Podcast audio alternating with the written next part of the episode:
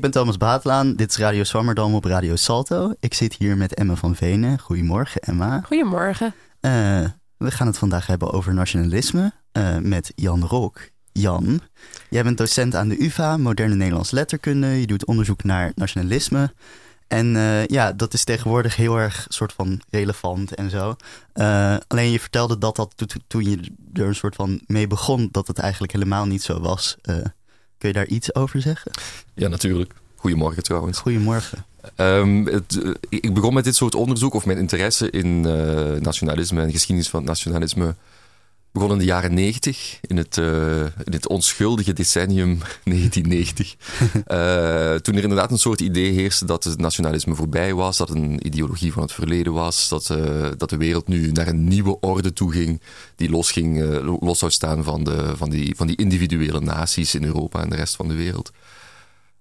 maar inderdaad, terwijl ik dan bezig was met het onderzoek en terwijl ik ook naar Nederland kwam om dit soort onderzoek uit te voeren, uh, is dat nationalisme volledig teruggekeerd. Uh, in, in 15 jaar is dat echt op een, uh, op een manier die ook heel, veel, ook heel veel specialisten en heel veel waarnemers heeft verrast.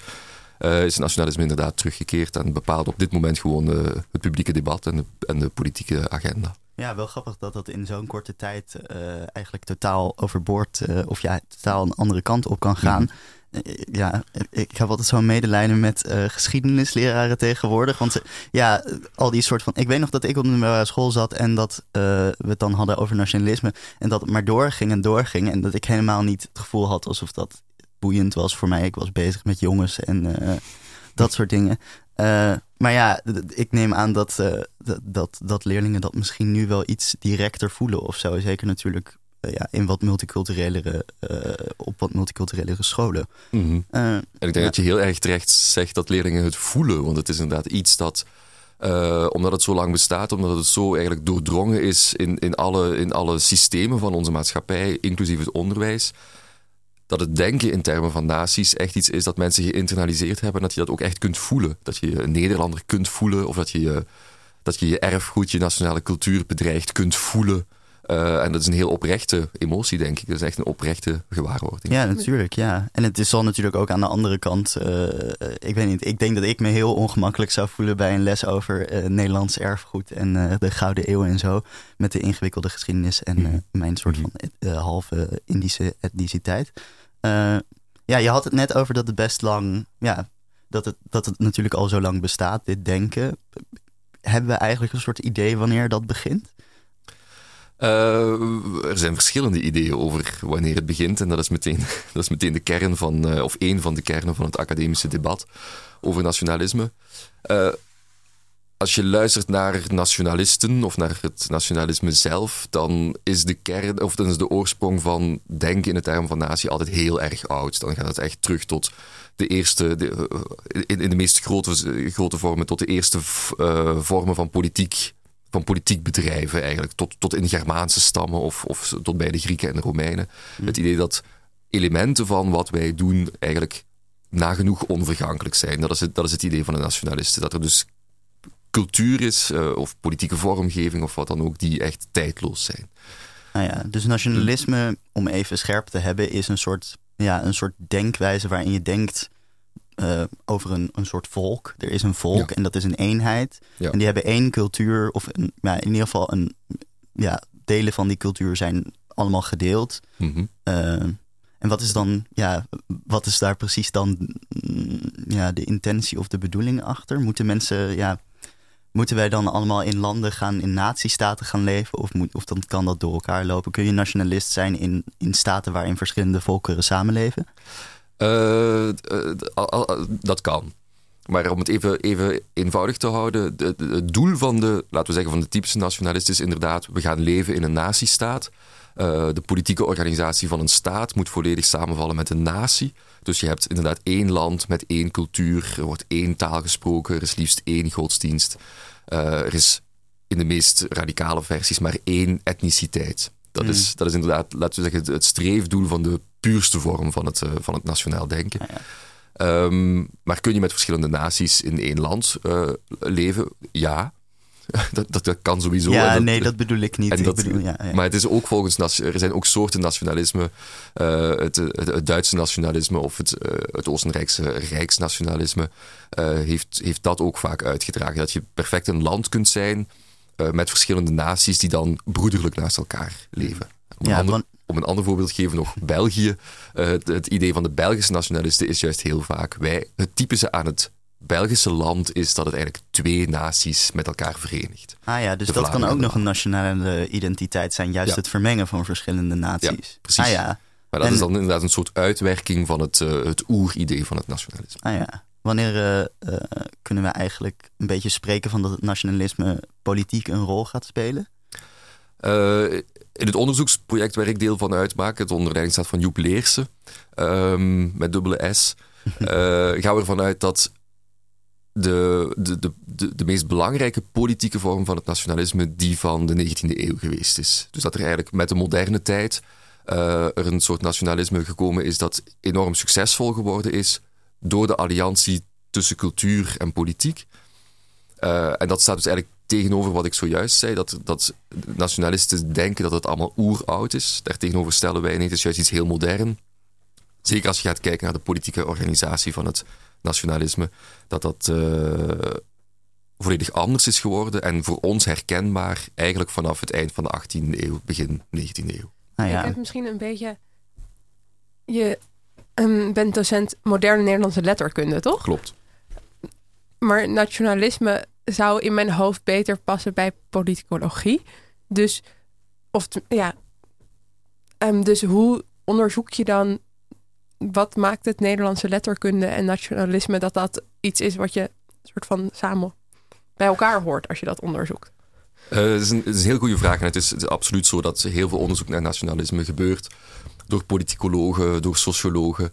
Eh, maar er is, een, er is ook een punt waar eigenlijk ook politicologen en sociologen het over eens zijn, samen met geesteswetenschappers, namelijk dat cultuur een essentiële rol speelt in het eh, nationalisme.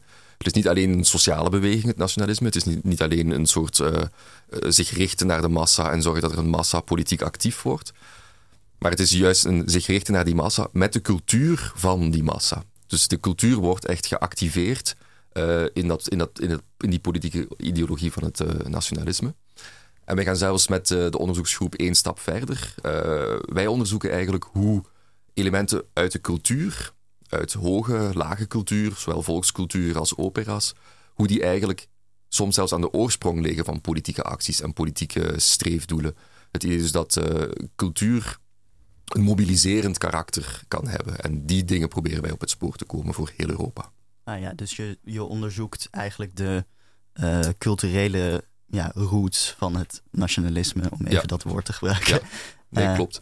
En dat is een belangrijk verschil. Dus we zoeken niet de culturele roots van de natie. We gaan dus niet zeggen, kijk, hier heb je Nederland en de roots liggen ergens in de Gouden Eeuw.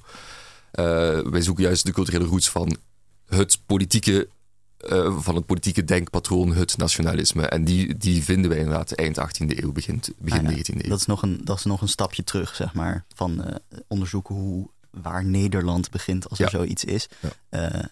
En jij onderzoekt echt waar die gedachte überhaupt vandaan komt. Mhm, mhm. Nou ja, wat voor methodes gebruik je daarvoor? Ik kan me voorstellen dat eh, de luisteraars dat een beetje eh, zich, zich afvragen hoe je dat doet.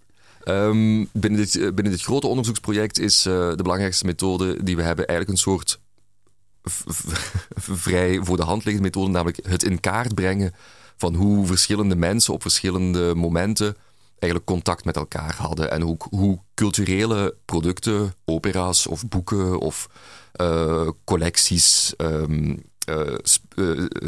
zegswijzen, hoe die ehm, circuleerden doorheen Europa. Dus we gaan eigenlijk gewoon na hoe culturele objecten, maar mensen zelf ook zich bewogen doorheen Eu- eh, heel Europa. En dan valt dus op dat eigenlijk al die nationalisten, of ze nu in Nederland woonden, of in Estland, of in Griekenland, of in Baskeland, dat die met elkaar in contact stonden, dat ze eigenlijk ideeën over hun natie, over hun eigenheid, juist van elkaar overnamen.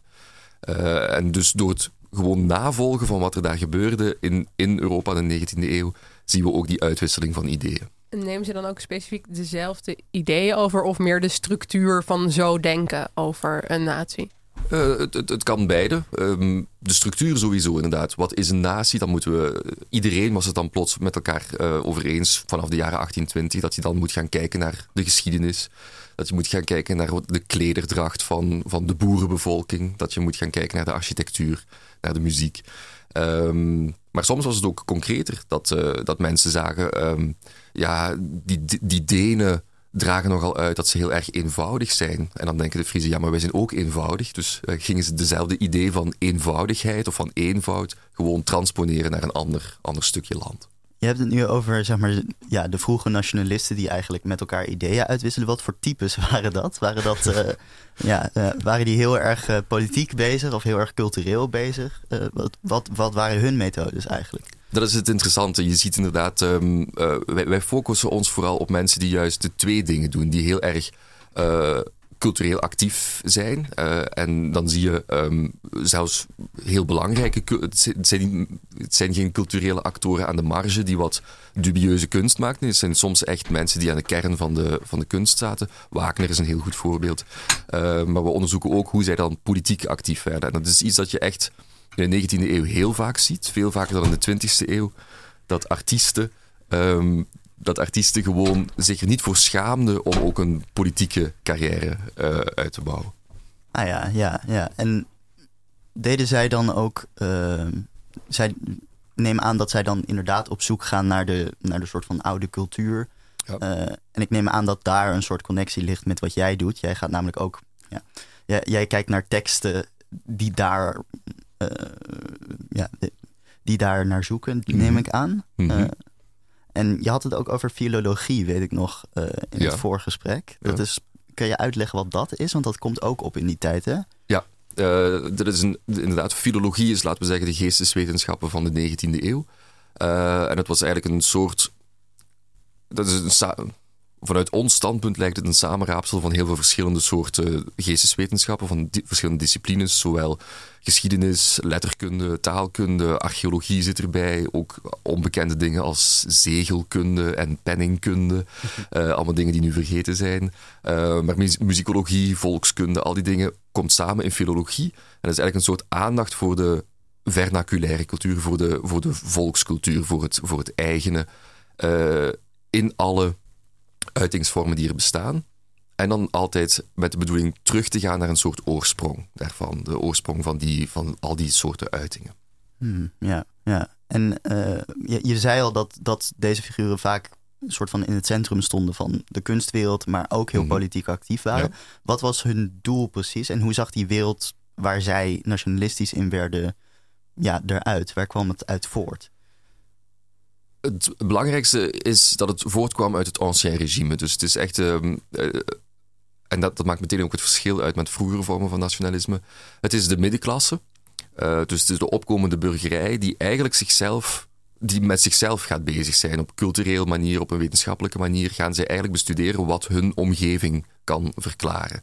Zij verlaten dus een soort hiërarchisch idee van de samenleving dat zij allemaal ondergeschikt zijn aan God, uh, of eer, eerst aan de koning en dan aan God, maar dat ze eigenlijk meer hun eigen wereld gaan uh, onderzoeken. Het is dus vooral een burgerlijke cultuur.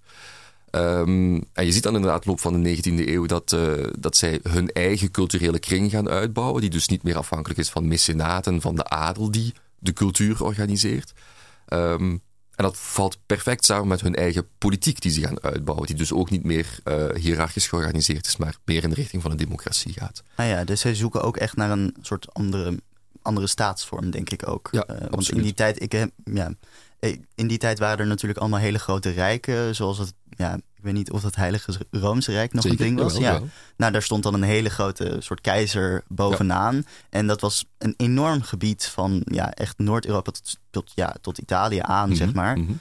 uh, en dan kun je natuurlijk moeilijk in de politiek uh, uh, ja, nationalisme uitdragen, omdat er niet echt zoiets is als nazistaten. Ja. En als je dus je los wil werken van dat ancien regime, regime dan is het natuurlijk van de essentie dat je, dat je voor andere eenheden zorgt. Ja, ja.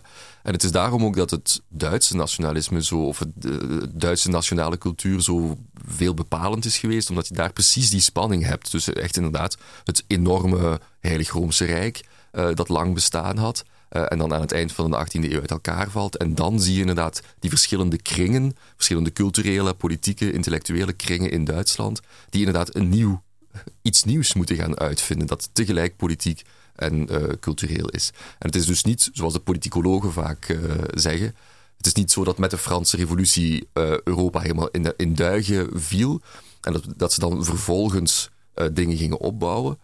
Nee, ons standpunt is juist dat in die cultuur eigenlijk ook al veel langer bezig aandacht was voor dingen die typisch zijn voor bepaalde streken, dingen die typisch zijn voor bepaalde landen. En je zou zelfs kunnen zeggen dat die aandacht voor verschil, voor denken in verschil binnen, binnen Europa, misschien eerder de aanleiding was voor de politieke veranderingen van rond 1800. Want het is dus wel echt een heel Europees verschijnsel, dit nationalisme waar we het nu over hebben. Of is het ook nog uitgebreid?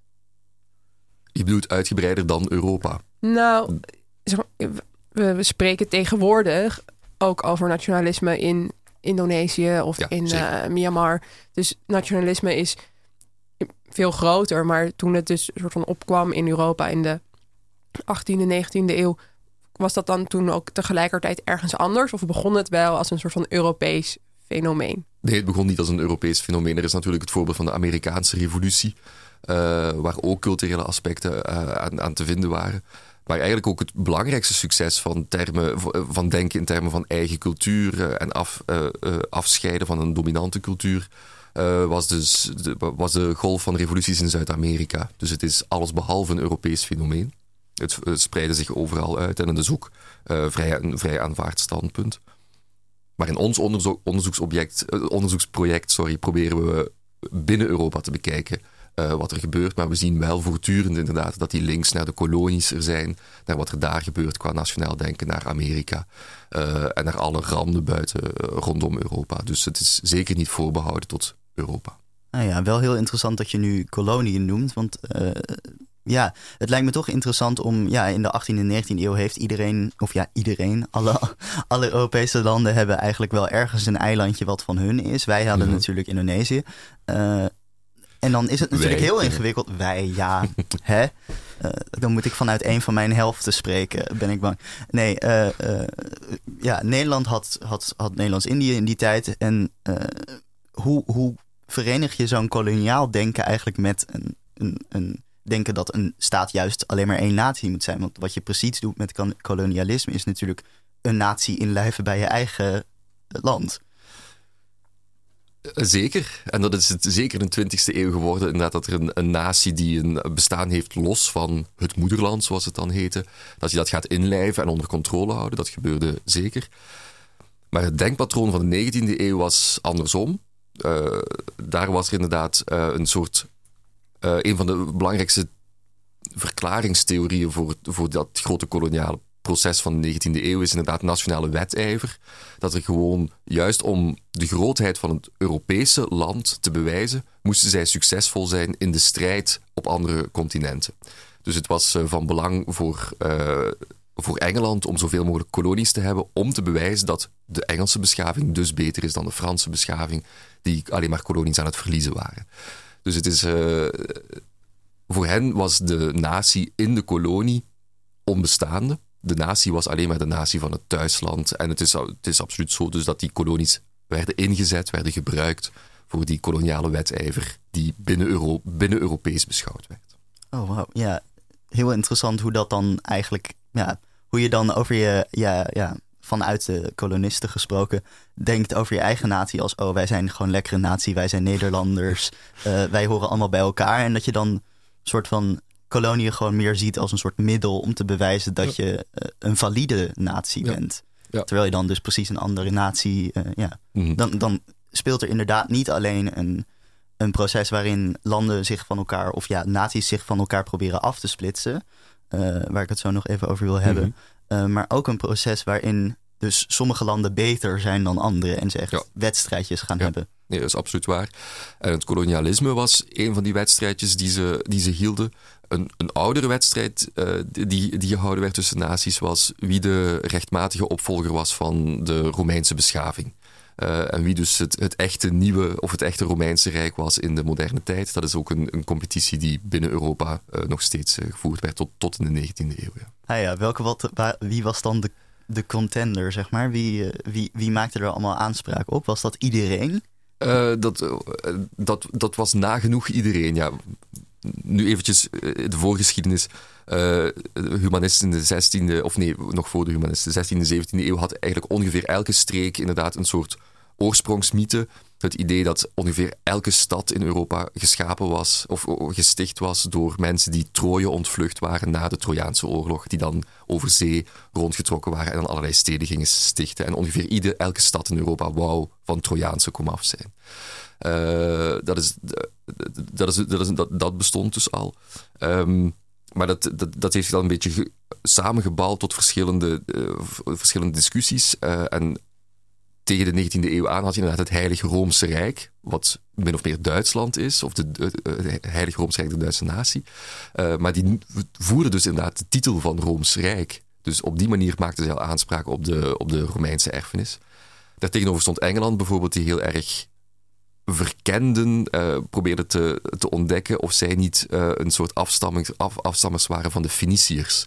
Dat zij dus naast dat Duits-Romeins idee een soort Engels-Fenicisch idee konden zetten dat even glorieus was en even belangrijk voor de wereldbeschaving. Ja, je ziet natuurlijk in de 19e eeuw dat er ontzettend gedweept wordt met die, eh, met, met, met name Latijn en Romeinse dingen. Dat, ja, daar gaan we het zo meteen nog over hebben. Maar mhm. ja, Thierry Baudet doet het ook in de Tweede Kamer uh, toen hij ingezworen werd. Of ja, vlak daarna.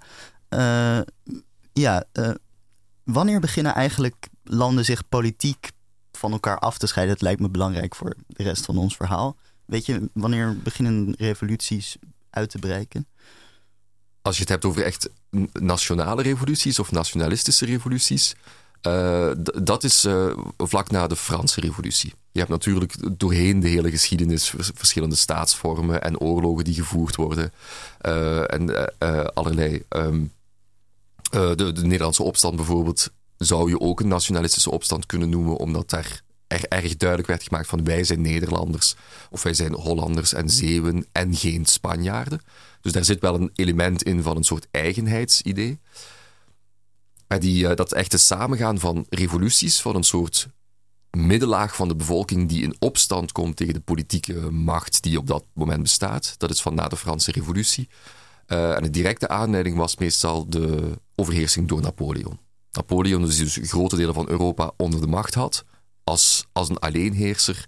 Uh, dat was voor heel veel groepen, voor groepen intellectuelen en kunstenaars uh, of, of andere soorten denkers, de aanleiding om inderdaad die eigenheid te gaan inzetten om een grotere massa te gaan mobiliseren in een opstand. En met die eigenheid moet er dan ook een, een soort ja, iets komen wat je niet bent. Bij de Nederlandse opstand dan Spanje.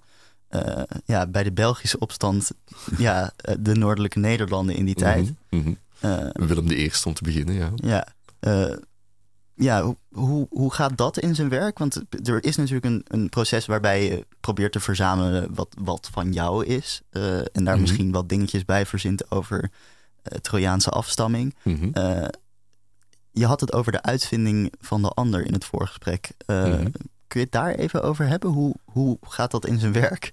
Nee, een van de dingen, uh, zoals ik al zei, uh, Denen en Friese uh, vinden zichzelf iets anders dan elkaar. Maar als je gaat kijken wat ze over zichzelf zeggen, lijkt dat heel erg op, op elkaar. En dat is inderdaad iets dat we ook in dat onderzoeksproject hebben gezien. Dat er eigenlijk het assortiment van typische karaktereigenschappen van een natie is vrij beperkt. Alle landen uh, alle landen vinden zichzelf dapper. Uh, alle landen vinden zichzelf uh, eenvoudig en oprecht. Vinden zichzelf cultureel hoogstaand, wetenschappelijk. Dus daar kom je niet zo heel ver mee met jezelf te gaan omlijnen, met, je, met een soort definitie te geven van jezelf. Dat is op zich niet genoeg om, laten we zeggen, een mobiliserende, mobiliserend effect te hebben. Dus dan komt het inderdaad om, om de hoek kijken dat je je met die eigenschappen ook moet afzetten tegen iets anders. Dat je moet kunnen vaststellen dat er aan de grens van jouw natie, de grens van jouw staat, echt iets verandert. En dan moet je dus ook negatief gaan definiëren. Uh, en dan krijg je dus uh, ja, de dingen die we allemaal kennen: dat, dat, dat, dat Engelsen vooral geen Fransen zijn en Duitsers ook vooral geen Fransen.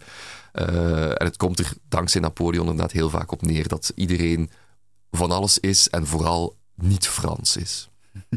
Ja, dat is natuurlijk heel erg direct gerelateerd aan Napoleon en zijn veroveringen. Ja. Maar het, eh, de ander is natuurlijk evengoed de ander, eh, de buiten-Europese ander. Dat ze, en dat- dan komt dat, dat, die imperialistische wet, eh, wetloop om, om de hoek kijken. Het idee inderdaad dat binnen Europa je wel verschillen hebt, maar dat er allemaal een soort gradatie van beschaving in zit. Maar dat, laten we zeggen, de koloniale ander, de ander buiten Europa, echt nog de onbeschaving is. Dat is, dat is absoluut zo. Dus die tellen eigenlijk niet zo mee in het hele nationalistische debat. Laten we zeggen, als, eh, als mensen en als deelnemers aan de nationale cultuur inderdaad niet. Nee. Ehm, ik stel voor dat we eh, eventjes naar een eh, fragmentje gaan luisteren. Dat is een, eh, dat is een aria uit de, ja, de, Vlaams, de Belgische opstand. Dat was 1830, heb ik dat goed in mijn hoofd? 1830. Ja, 1830. Eh, dat is een vrij heftige aria die ervoor gezorgd heeft dat er een soort grote opstand kwam. Eh, ja, ik weet niet precies hoe dat in zijn werk ging. Kan je daar iets over zeggen? Eh, de- het verhaal is meer mythe dan werkelijkheid, even voor de duidelijkheid. Het is een element uit de nationale mythe van het ontstaan van België. Eh, het was een opera die opgevoerd werd, eh, De Stomme van Portici, eh, die opgevoerd werd in Brussel. In de centrale, centrale schouwburg, eh, vlakbij bij, wat later het Koninklijk Paleis werd, of toen al een Koninklijk Paleis was. Ehm, eh, en er is één aria in die gaat over l'amour sacré de la patrie, over de, de heilige liefde voor het vaderland. En die aria is volgens de legende zo opzwepend dat het publiek daar in Brussel eh, echt overvloeide van gevoel, van nationaal gevoel. Eh, en na die opera-uitvoering dus voor zichzelf plots inzag dat ook zij onderdrukt werden door de Nederlandse koning Willem I. En dan ontstonden er dus eh, rellen eh, en zo ontstond eh, de, de, de opstand tegen de Nederlandse overheerser. Nou, Ehm, ja. het is natuurlijk veel ingewikkelder dan dat. Er waren ook allerlei oudere culturele, economische, religieuze processen. Maar het verhaal gaat dus dat dit een soort kristallisatiepunt was waarop die, eh, die Belgische eigenheid plots ontdekt werd en eh, uitgevoerd moest worden. Nou, eh, we gaan het meemaken.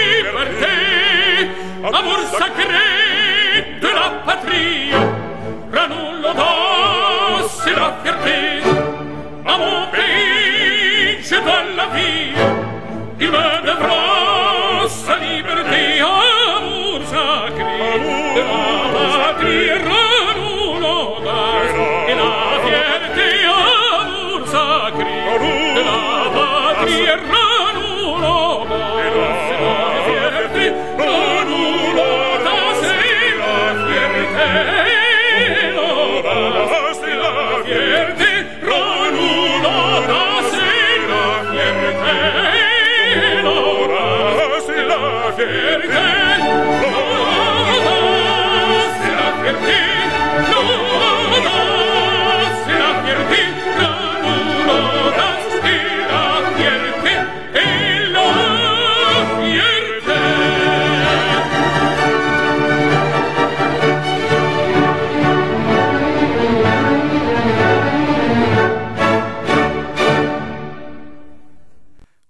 Nou, eh, dat was een zeer opzwepende aria. Eh, dat heet Amour sacré de la patrie eh, uit de stommen van Portici van Daniel Aubé. En ik zal een paar van de regels vertalen, want ik denk niet dat wij allemaal supergoed zijn in opera Frans.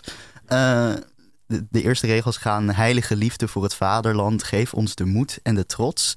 Aan mijn land dank ik mijn leven. Het zal aan mij zijn vrijheid te danken hebben. Nou ja, ik kan me voorstellen dat dat in een mythe eh, heel goed eh, tot strijdlied eh, gemaakt kan worden. Het is echt inderdaad die oproep om persoonlijk ook echt iets te gaan doen. Eh, het- de- deze tekst maakt dus de link tot, tussen het grote ideaal, de natie, en wat je daar zelf aan kunt bijdragen. En in die zin heeft, had het echt een opzwepende werking. Ook natuurlijk waar we het tijdens het beluisteren over hadden, over het feit dat het echt ook, ook gewoon een, eh, een vrij bombastisch, eh, bombastisch muziek is, maar ook echt een marsritme in zich heeft. en echt op die manier uitnodigt tot, tot actie op straat. Ja, en eh, nou ja, dan, dan vinden al die revoluties plaats. En dan eh, komen er allemaal verschillende landen die natuurlijk door de geschiedenis heen eh, allemaal ruzie gaan hebben. Natuurlijk. Ja. Het beroemdste is natuurlijk de Eerste, de eerste Wereldoorlog, Zeker, waarin zeker. iedereen in een soort kluwen verstrikt raakt van verbonden en, en, en ja, liefde voor het Ja. vaderland. Dat was, echt een, dat was echt de oorlog der naties, zou je kunnen zeggen. En ook in de herinnering na de Eerste Wereldoorlog eh, was dat onveranderd gebleven, hoe dramatisch die ook afliep.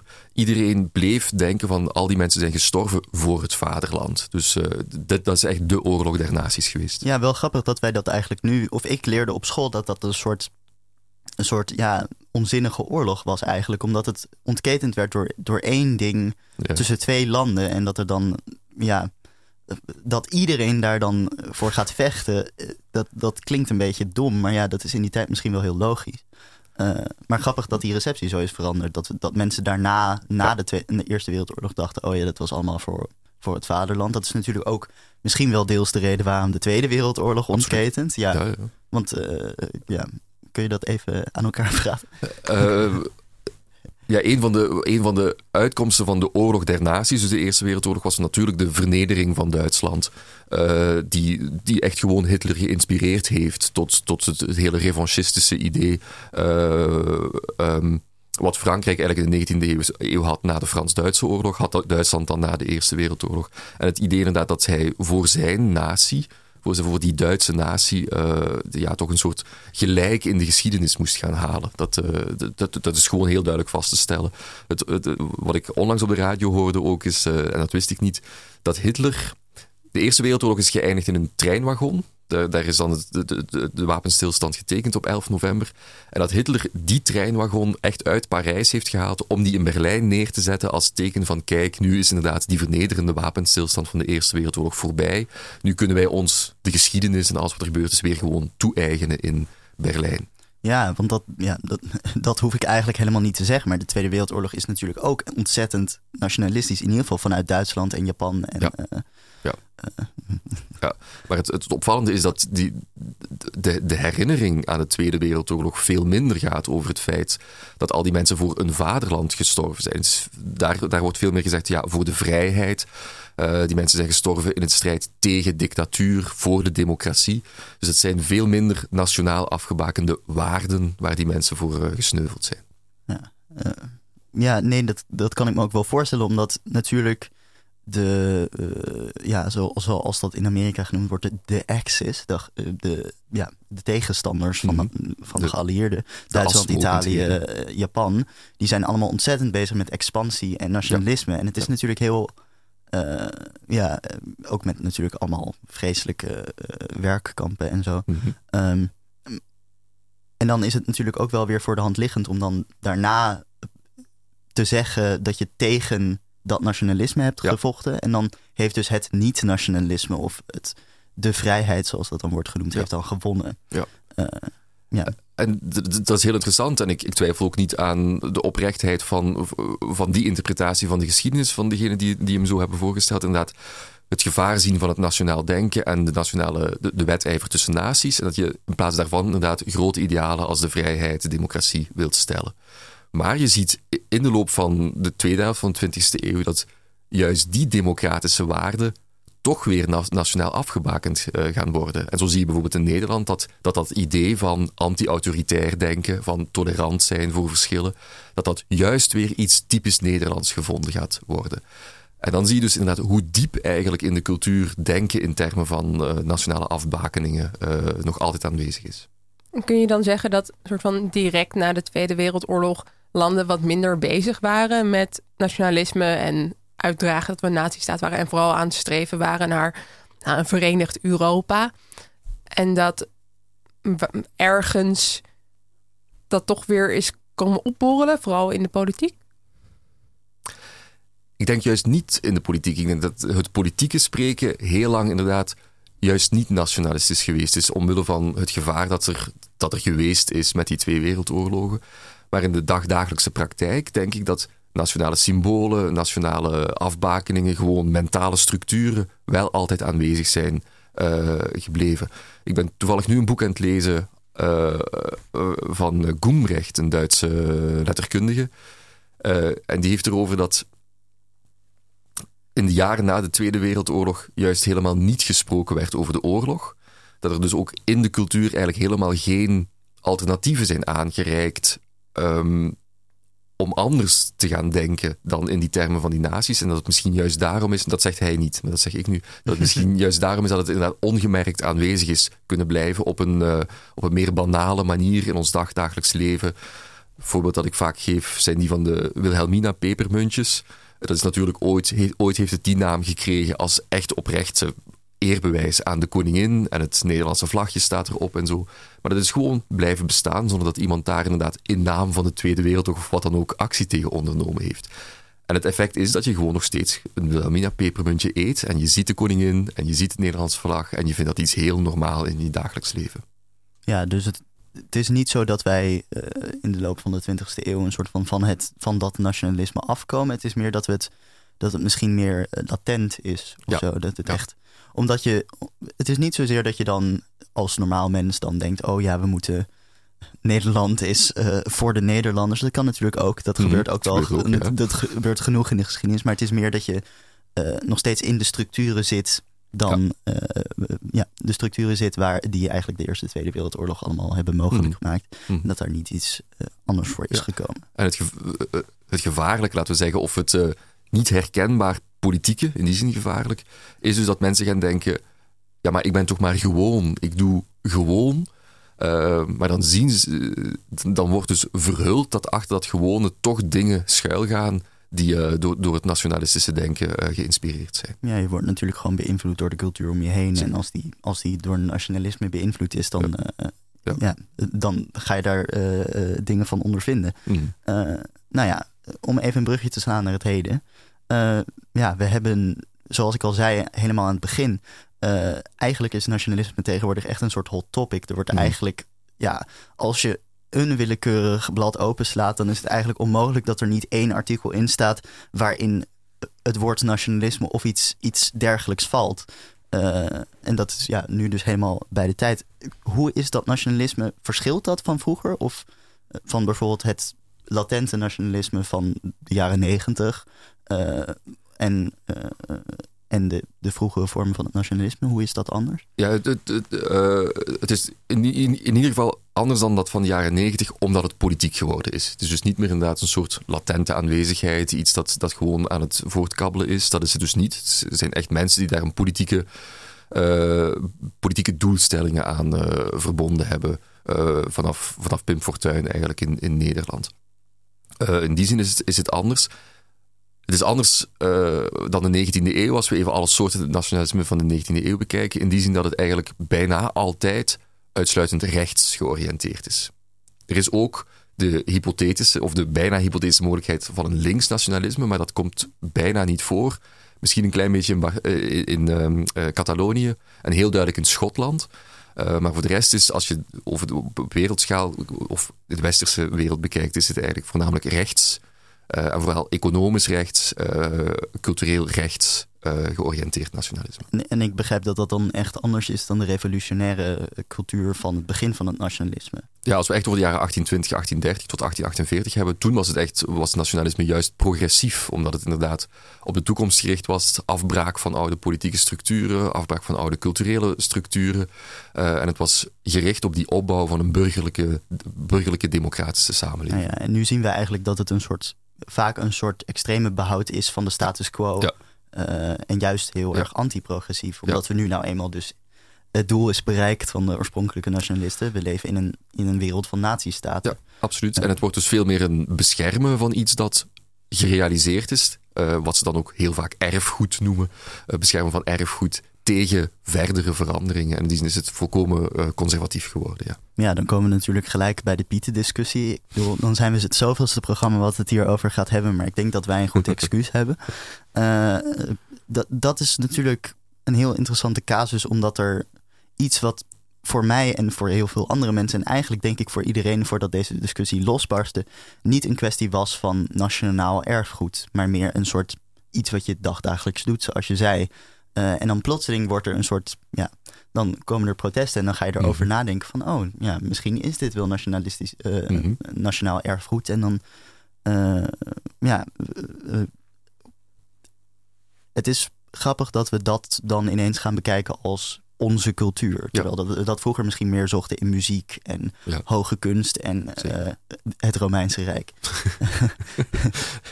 Nee, dat, ik denk dat de Zwarte Piet discussie is net een heel goed voorbeeld van eigenlijk hoe, hoe, hoe snel en hoe hevig dat, eh, die, die, dat denken in termen van nationale cultuur en nationale afbakeningen en eh, binnen en buiten het eigene en het andere, hoe snel dat weer geactiveerd kan worden. Dus het is inderdaad niet iets dat, dat eh, terug opgebouwd moet worden zoals in de 19e eeuw van nul. Het is gewoon echt iets dat aanwezig is geweest en er is een klein, kleine vonk nodig om het nationalistische vuur te doen ontvlammen. ja.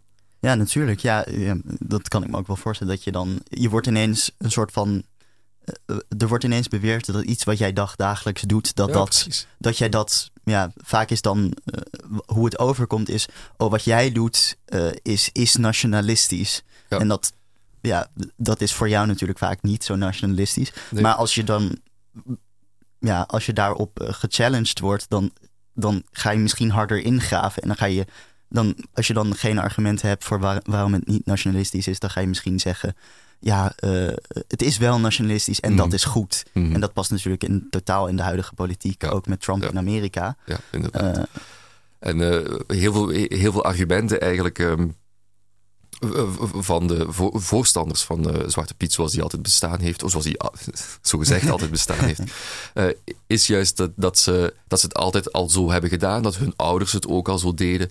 En dan zie je inderdaad, dat is het argument dat van het dagdagelijkse, van het gewone. eh, en het, het, het vraagt de blik van, laten we zeggen, even de buitenstaander, om het politieke van het gewone te zien.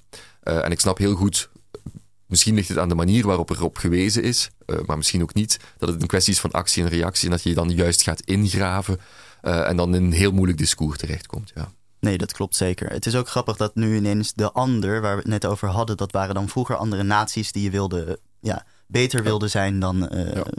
door meer landen te veroveren. Dat is dan nu iets, ja, dat is dan nu ineens een, een, ja, een persoon van kleur. Dat Ja. die dan ineens een ander is. Terwijl dat natuurlijk, ja, met, met ja, iemand van kleur kan net zo goed gewoon eh, hartstikke eh, in de Nederlandse cultuur zitten. En dan wordt het ineens Zeker. natuurlijk ook een racistische kwestie. Ja, Eh, ik wilde En- even. Ik wou alleen maar nog even zeggen, en dat, is natuurlijk, dat zijn essentiële verschillen ook tussen 19e eeuws en 21e eeuws nationalisme. De positie van de ander is helemaal anders geworden. Ik bedoel, is helemaal geëvolueerd. Eh, en we leven absoluut helemaal niet meer in, laten we zeggen, die democratische, prille democratische samenlevingen van het begin van de 19e eeuw. Nationalisme heeft dus, is herkenbaar. Ik bedoel, zijn patronen herkenbaar, maar vervult op dit moment een totaal andere functie in de samenleving. Een samenleving die helemaal anders is dan die van de 19e eeuw. Wat is dan het verschil met populisme? Want ik heb ook het idee dat veel mensen deze termen een beetje door elkaar heen gebruiken. Mhm. Dus dat begrijp ik heel goed, want ze zijn ook heel nauw met elkaar verwant.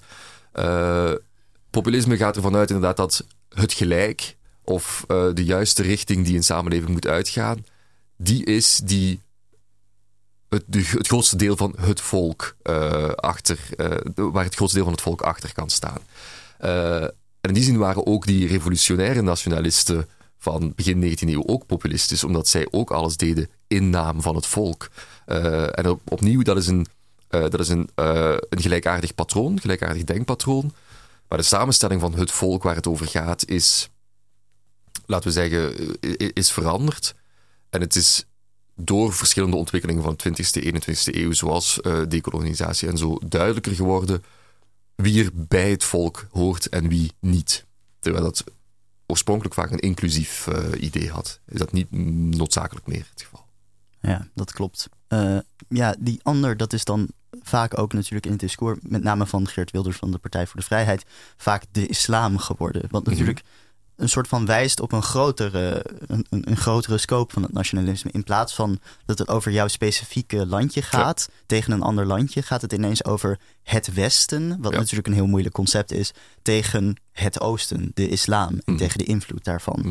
Eh, en dan gaat het ook inderdaad over dat mensen die dan moslim zijn naar Nederland komen en dat dat dan eh, allemaal schadelijk is voor onze Ja. nationale Ja. westerse pure eh, samenleving. Ja. Dat, we, dat, dat het voor allemaal verschillen zorgt die je niet kunt overbruggen.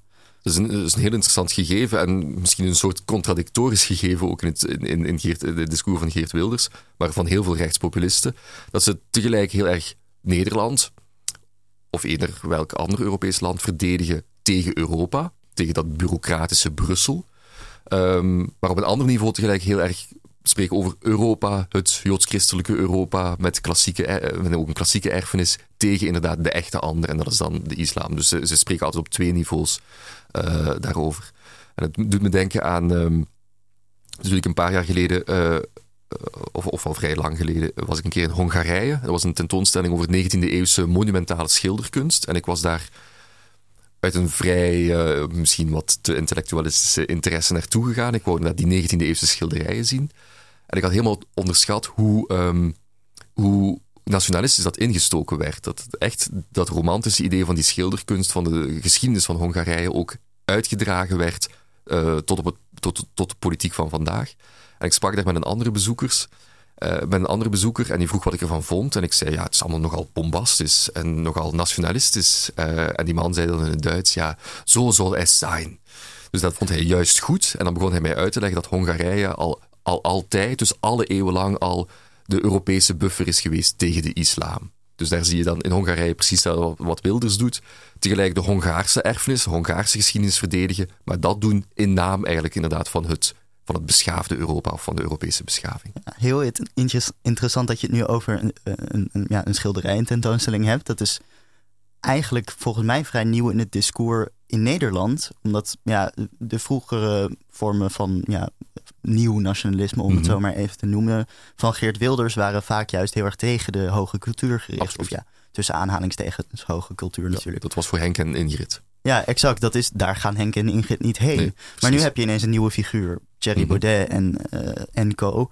Die die hoge cultuur ineens heel erg aangrijpen. Omdat er dus, onder andere omdat er zoveel nationalistische thema's in zitten. Mhm. Eh, hoe, hoe verandert zijn, ja, hoe verandert dat het discours rond nationalisme in Nederland, denk je? Ik denk dat, um, ik denk dat Thierry Baudet heel, heel scherp gezien heeft, inderdaad, welk, welk gat er was, laten we zeggen, in het politieke spectrum. Het, uh, nationalisme, dat, daar hadden we het zojuist over, was helemaal gebanaliseerd, was haast onzichtbaar geworden. En het is absoluut zo. En uh, helemaal aan het begin zei ik ook, dat is ook de interesse die ik heb ontwikkeld van een soort onschuldige interesse in dat nationalisme. Intellectuelen, de academici, de, de, de, de professoren aan de Universiteit in Leuven hadden niet echt door dat dat nog iets was, nationalisme. En zo ontstond er dus een tweesplitsing, laten we zeggen, tussen eh, de aanwezigheid wel, de volkomen banale aanwezigheid van het nationalisme, en een gebrek aan aandacht voor intellectuele, van de intellectuele elite voor het bestaan daarvan.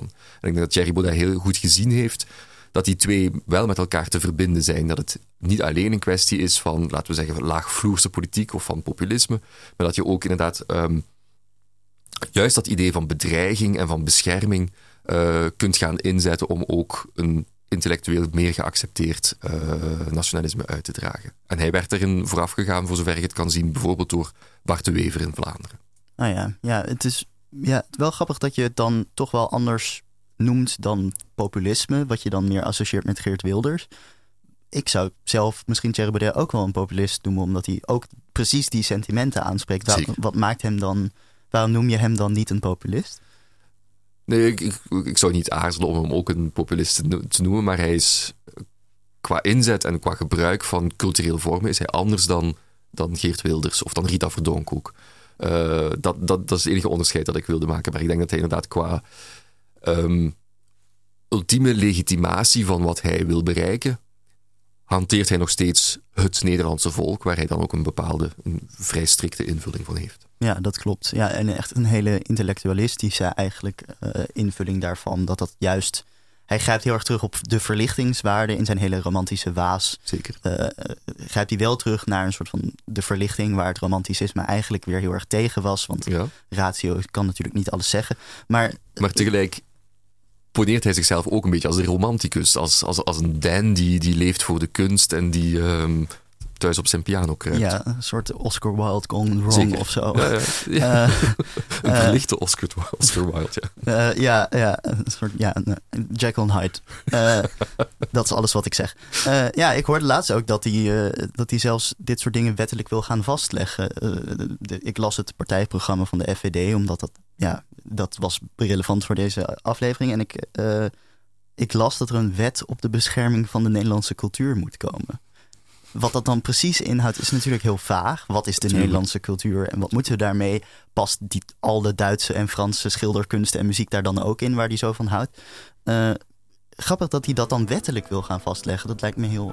Ja, ja maar dit, en dit is eigenlijk in het kort de hele evolutie van het cultuurnationalisme of nationalisme van de 19e eeuw. Uh, ik denk dat die mensen heel goed wisten wat de kracht van cultuur kan zijn. Juist door het, door het uh, mobiliseren tot revolutie. En je ziet aan het eind van de 19e eeuw dat misschien juist door het besef van die kracht, dat ze dat eigenlijk willen gaan bevriezen, willen gaan vastleggen, Eh, en misschien in zekere zin de culturele kracht gaan neutraliseren door het allemaal wettelijk te gaan vastleggen en te, te gaan bepalen wat kan en wat niet kan. Misschien juist om die mobiliserende kracht van cultuur onder controle te krijgen. Ja, nee, dat kan ik me heel goed voorstellen. Nou ja, ja dat lijkt me toch wel eh, ja, iets om, om, om, uh, ons, om waakzaam voor te zijn, dit soort dingen. Uh, Dank je wel. Dus ik hoorde iTunes en het is, uh, het Ah, is ben ik bang heel tijd. Mhm. Wel tijd. Um, ja, ik ben, ik ben wakker geschud, denk ik. Uh, en ik ga er nog eens over nadenken. Dankjewel, Jan de Rok. Met veel plezier. Uh, voor je eloquente aanwezigheid. Waar kunnen mensen je... hoe heet je onderzoeksproject? Kun je dat nog een keer Uh, zeggen? het Study Platform on Interlocking Nationalisms. Onder leiding van Joep Nou, dat, is, dat, is, uh, dat moeten mensen kunnen vinden. Ja. Uh, Emma, dankjewel voor je uh, goede vragen. Graag gedaan. Uh, Bouke Kok zat achter de knoppen. Uh, ik ben Thomas Batelaan. Uh, wil je deze aflevering of andere afleveringen nog eens rustig terugluisteren? Dan kan dat op radioswammerdam.nl of via Soundcloud, Apple Podcasts, Stitcher en Spotify. Reacties kunnen naar redactie.radioswammerdam.nl of op Facebook en Twitter. Uh, volgende week is Bouke Kok aan de beurt. Mijn naam is Thomas Batelaan. Je luistert naar Radio Swammerdam. En nog een fijne zondag.